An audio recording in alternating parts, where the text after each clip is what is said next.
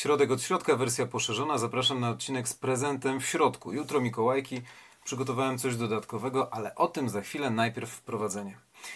Na kanale na TikToku Środek od Środka, bo tam powstał jako pierwszy, zdarza nam się rozmawiać o japońskiej animacji. Jednym z filmów animowanych japońskich, które wywołały na świecie burzę i zachwyt, był, jest wciąż, Grobowiec Świetlików. Stworzył go Isao Takahata w latach 80., a kanwą do nakręcenia tego filmu było opowiadanie autorstwa Akiyuki Nosaki Grup Świetlików. Po polsku jest przetłumaczone w takiej antologii opowiadań japońskich Tydzień Świętego Muzeum.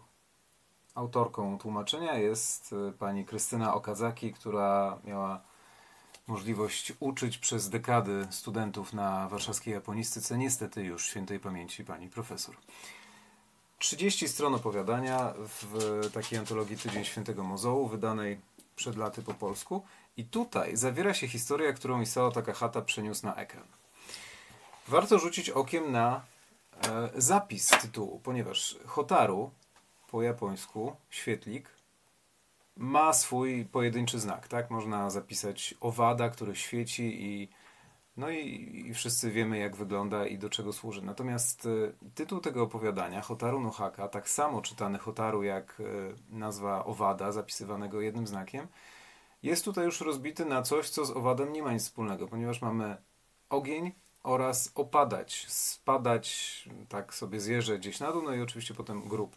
Chodzi o te elementy popiołu, pyłu, mm, takich fragmentów spalonych, palących się, rozmaitych rzeczy, które opadały na ziemię po tym, jak japońskie miasta były bombardowane. No i bohater, zarówno bohater chłopczyk, jak i bohater dziewczynka, rodzeństwo, które y, gra główną rolę w opowiadaniu Grobowiec Świetlików, obserwuje cały czas, dzień po dniu, kiedy ich rodzinne miasto jest bombardowane. Spada wtedy z nieba deszcz takich płonących fragmentów dopalających się różnych pozostałości po tym, co było domami, e, ubraniami, przyrodą dookoła. Pali się wszystko, pali się cały świat. Natomiast jeżeli wpiszemy, bo to jest piękna opowieść, Grobowiec Świetlików jest e, warty uwagi, porusza i młodych, i starszych. To nie jest film dla dzieci, to nie jest tylko film dla dzieci, chociaż dzieci mogą z niego wyciągnąć wiele nauki również, ale głównie jest skierowany do dorosłych pokazuje grozę wojny i, i taką beznadzieję tego stanu, w jakim jak już się znajdziemy, to praktycznie nie ma szans na wydostanie się. Natomiast zmierzam do jednej rzeczy. Jeżeli Grobowiec Świetlików, te, ta, ten popularny tytuł japoński, przełożyć na chiński, wychodzi pięć znaków, które znaczą to samo, co japońska nazwa. Mamy świetliki, tutaj jest najpierw świetlik, potem ogień, robak, partykuła dzierżawcza, która oczywiście po chińsku jest zapisywana kolejnym znakiem, nie tak jak w alfabecie jedną z sylab, tutaj w tym przypadku alfabetu hiragana, no i grobowiec. Tutaj już pomyłki nie ma nawet wizualnie, bo mamy do dyspozycji ten sam znak. Po chińsku ten tytuł czytany jest Yinghuo Chong czy Mu, grobowiec świetlików. I w tym momencie, poza tym, że niektóre wyszukiwania skierują nas właśnie do e, filmu animowanego Isao Takahate, Możemy też pójść w stronę science fiction. W zestawieniu w takiej antologii e, chińskich opowiadań science fiction zatytułowanej Invisible Planets, czyli Niewidzialne Planety, jest kilka takich antologii wydanych. Zajmuje się nimi w przeważającej większości Ken Liu, który tłumaczy, sam pisze opowiadania science fiction, ale e, przede wszystkim tłumaczy chińskich autorów na angielski. Przetłumaczył m.in. E, ogromne dzieło Kena, y, Ken Liu to on. Ogromne dzieło y, Liu Cixina Problem Trzech Ciał. To jest dzieło wiekopomne, które należy przeczytać obojętnie, czy się interesujemy science fiction, czy nie, bo to jest po prostu pięknie napisana i przemyślana rzecz. W każdym razie w swoich antologiach Ken Liu sięga po rozmaitych pisarzy, których przybliża światowej publiczności. Jedną z pisarek, jaką zawarł w antologii Niewidzialne Planety jest Chen Jingbo, autorka, która pisze w stylu bardzo trudnym do scharakteryzowania. To nie jest twarde science fiction, to nie jest fantasy, to nie są opowiadania o wojnie. Wszystkie elementy są zawarte, ale wychodzą jej z tego takie mieszanki o przedziwnym charakterze. No i między innymi napisała Grobowiec Świetlików. Do tego zmierzam. Ten chiński tytuł, Inhuo Chongchimu, jest tytułem jej opowiadania Grobowiec Świetlików, który w wersji angielskiej znajduje się tutaj w antologii Kenalią. Natomiast dla osób, które angielskiego nie czytają, przygotowałem tłumaczenie i właśnie pierwszą jego część chciałem Wam sprezentować z okazji Mikołajek. Posłuchajcie. Opowiadanie jest przepiękne, na mnie zrobiło ogromne wrażenie. O gustach się nie dyskutuje, rzecz jasna, ale w tym opowiadaniu jest coś więcej. Jest taki smutek, który chwyta za serce. Nie wiem, jak go nazwać. To jest, to jest po prostu. Nie chodzi o pomysł, chodzi o wykonanie. Nawet może nie o dobór słów, ale o wrażliwość. Chyba o to. O to w największym stopniu chodzi. Opowiadanie zaczyna się następująco. 16 lutego przez drzwi do lata ptaki niepadacze śniegu pojawiły się na niebie, dokładając się jedynie do chaosu, który ogarnął świat. Trzepoczące skrzydła mające zwiastować dobrą pogodę przycinały pomarańczowe niebo niczym powracające obłoki pełne śniegu. Białe jak popiół pióra wypełniały powietrze, opadając aż na moje czarne oczy, które stawały się od tego śnieżnymi kulami. 16 lutego urodziłam się na drodze ku światłu, niczym uchodźca. Moje hebanowe oczy połyskiwały, ale nikt nie przyszedł pocałować mnie w czoło. Dookoła mnie ludzie oddychali ciężko. Podniosłam głowę i zobaczyłam białe jak popiół stado kierujące się na południe, ich krzyki tak gęste, jak kradnące światło skrzydła. Na południu znajdowały się drzwi do lata, zbudowane z okruchów asteroid niczym droga do nieba. Wielka gwiazda oświetlająca uciekinierom drogę stopniowo gasła. Cień rysował się na każdej twarzy. Po niesłychanie krótkim doświadczeniu światła dziennego zobaczyłam pierwszy zmierzch w moim życiu. Kontur mojej matki rozkwitał w mroku niczym tajemniczy kwiat. Ludzie podążali rzeką czasu, kierując się wprost na drzwi do lata. Równocześnie nasza maleńka planeta opadała niczym pojedyncza kropla, kropla rosy w bezkresnym wszechświecie, tocząc się na równinę stworzoną z pozostałości planety. Niepadacze śniegu znowu zaczęły krzyczeć. Szybując przez roztarte grawitacją chmury, te miękkie, delikatne stworzenia wstrzymywała nagle jakaś nieznana siła. Zaalarmowane stado wiło się po niebie niczym gigantyczny węgorz elektryczny. Każdy ptak był jak łuska. Unosiły się jeden obok drugiego, koniuszki ich skrzydeł od czasu do czasu ocierały się o siebie, wy, wydając delikatne pstryknięcia. Dźwięki narastały i robiły się coraz głośniejsze. Ptaki skupiały się bliżej siebie, by stawić czoła nieznanej sile, która chciała zmienić ich kierunek, a wyładowania elektryczne tworzone przez starcie ich skrzydeł przeskakiwały między koniuszkami. Wielka niewidzialna ręka trzymała stado za gardło, a biały niczym popiół elektryczny węgorz na niebie zaczął się trząść, jego całe ciało otoczone błękitnym płomieniem. Następnie, w ciągu chwili, niewidzialna siła ciągnąca je ku niebu zniknęła. Węgorz zwijał się wśród chmur w konwulsjach. Pióra gubione przez walczące ptaki spadały niczym wulkaniczny popiół. Niedługo później pierzasty śnieg spadł i na nas. Wcisnął się w szczeliny między klapami z bawolej skóry, niczym ćmy przywierał do tłustego szkła lamp gazowych, jego grudy pływały w brudnej wodzie miedzianych mis, miałam go na brwiach i w kącikach oczu. Wozy zaprzężone w woły poruszały się powoli. Moja matka zaczęła śpiewać wśród tej zamieci popiołu i smutku.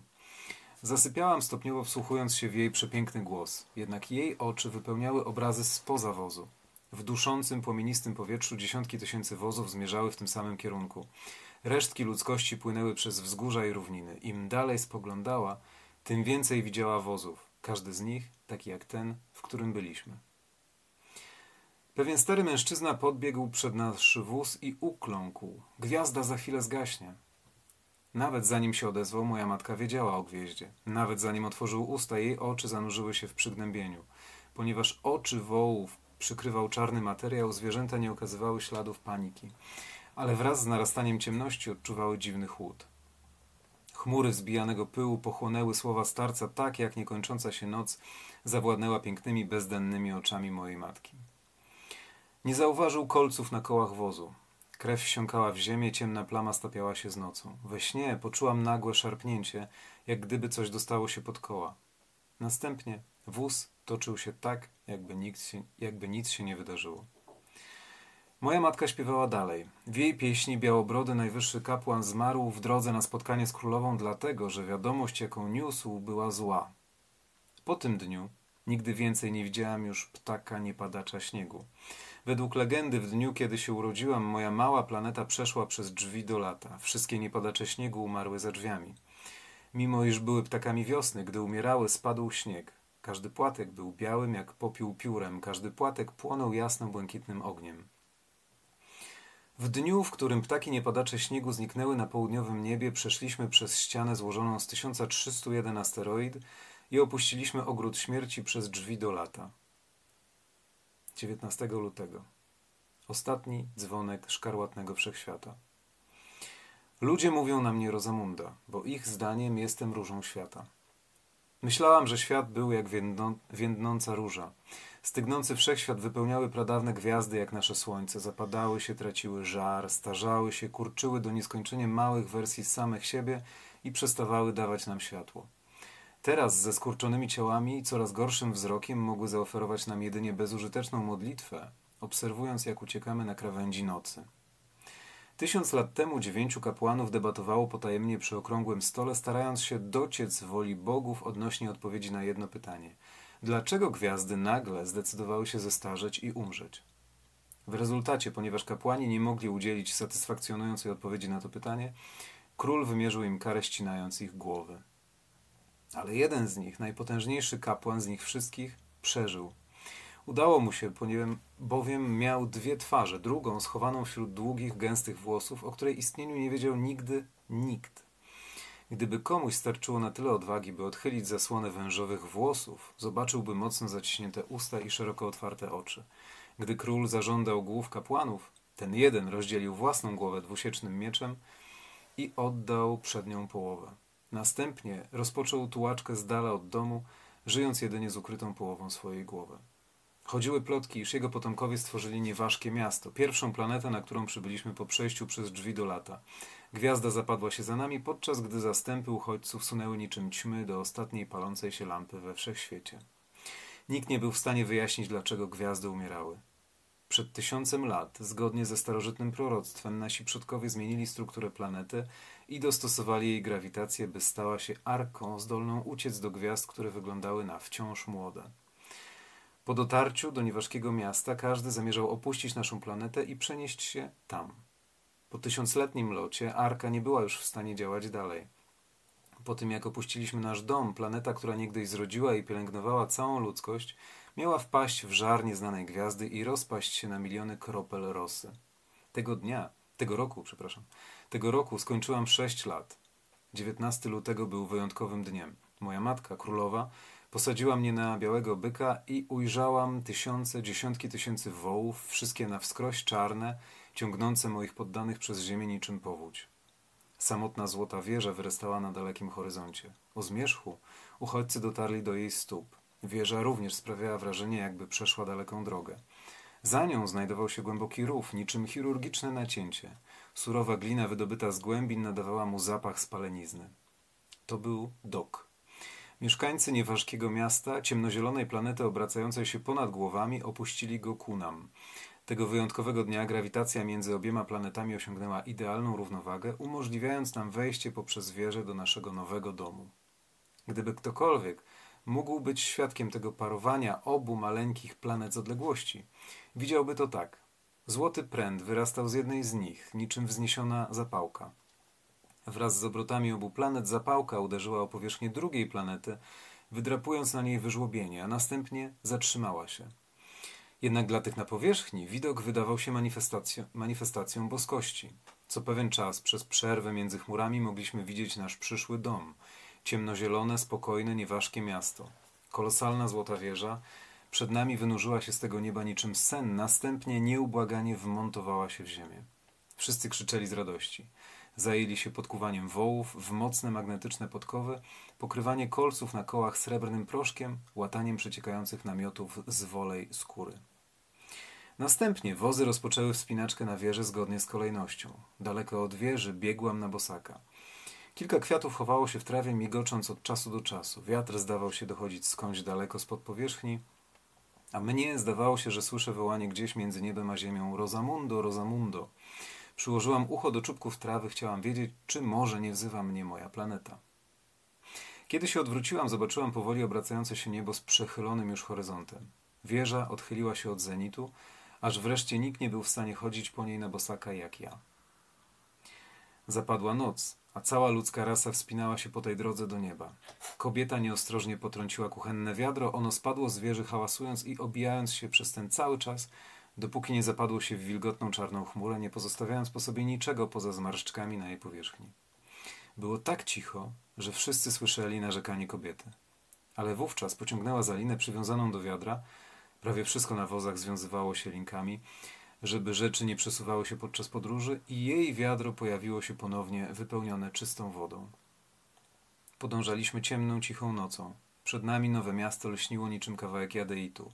Wszystko, co mogliśmy zobaczyć wokół masywnego i długiego mostu, utworzonego przez złotą wieżę, było nocą usianą gwiazdami.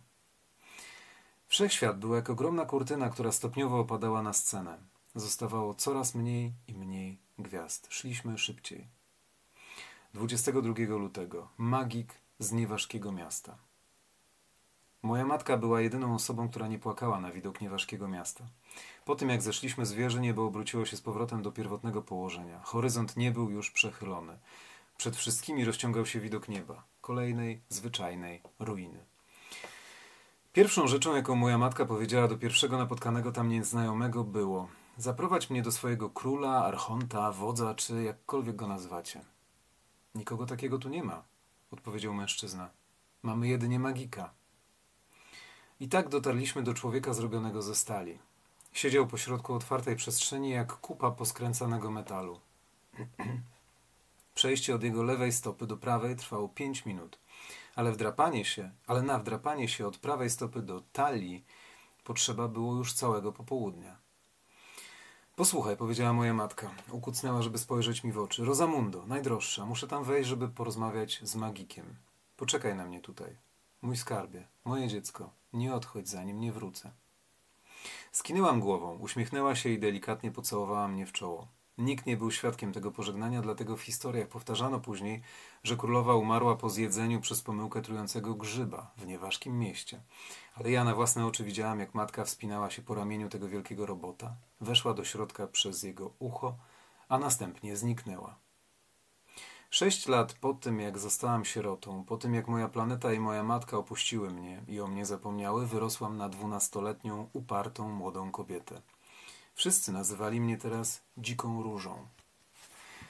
I to pierwsza część tego opowiadania. Jesteśmy w jego połowie. Opowiadanie ma 13 stron. Korzystam z wersji angielskiej przykładu Kena Liu, wersja chińska opowiadania autorki Changing Bo, Grobowiec Świetlików z antologii Niewidzialne Planety. Z drugą częścią wrócę już niedługo, tylko muszę przetłumaczyć. Miłej soboty i przygotowań do Mikołajek. Dziękuję za uwagę.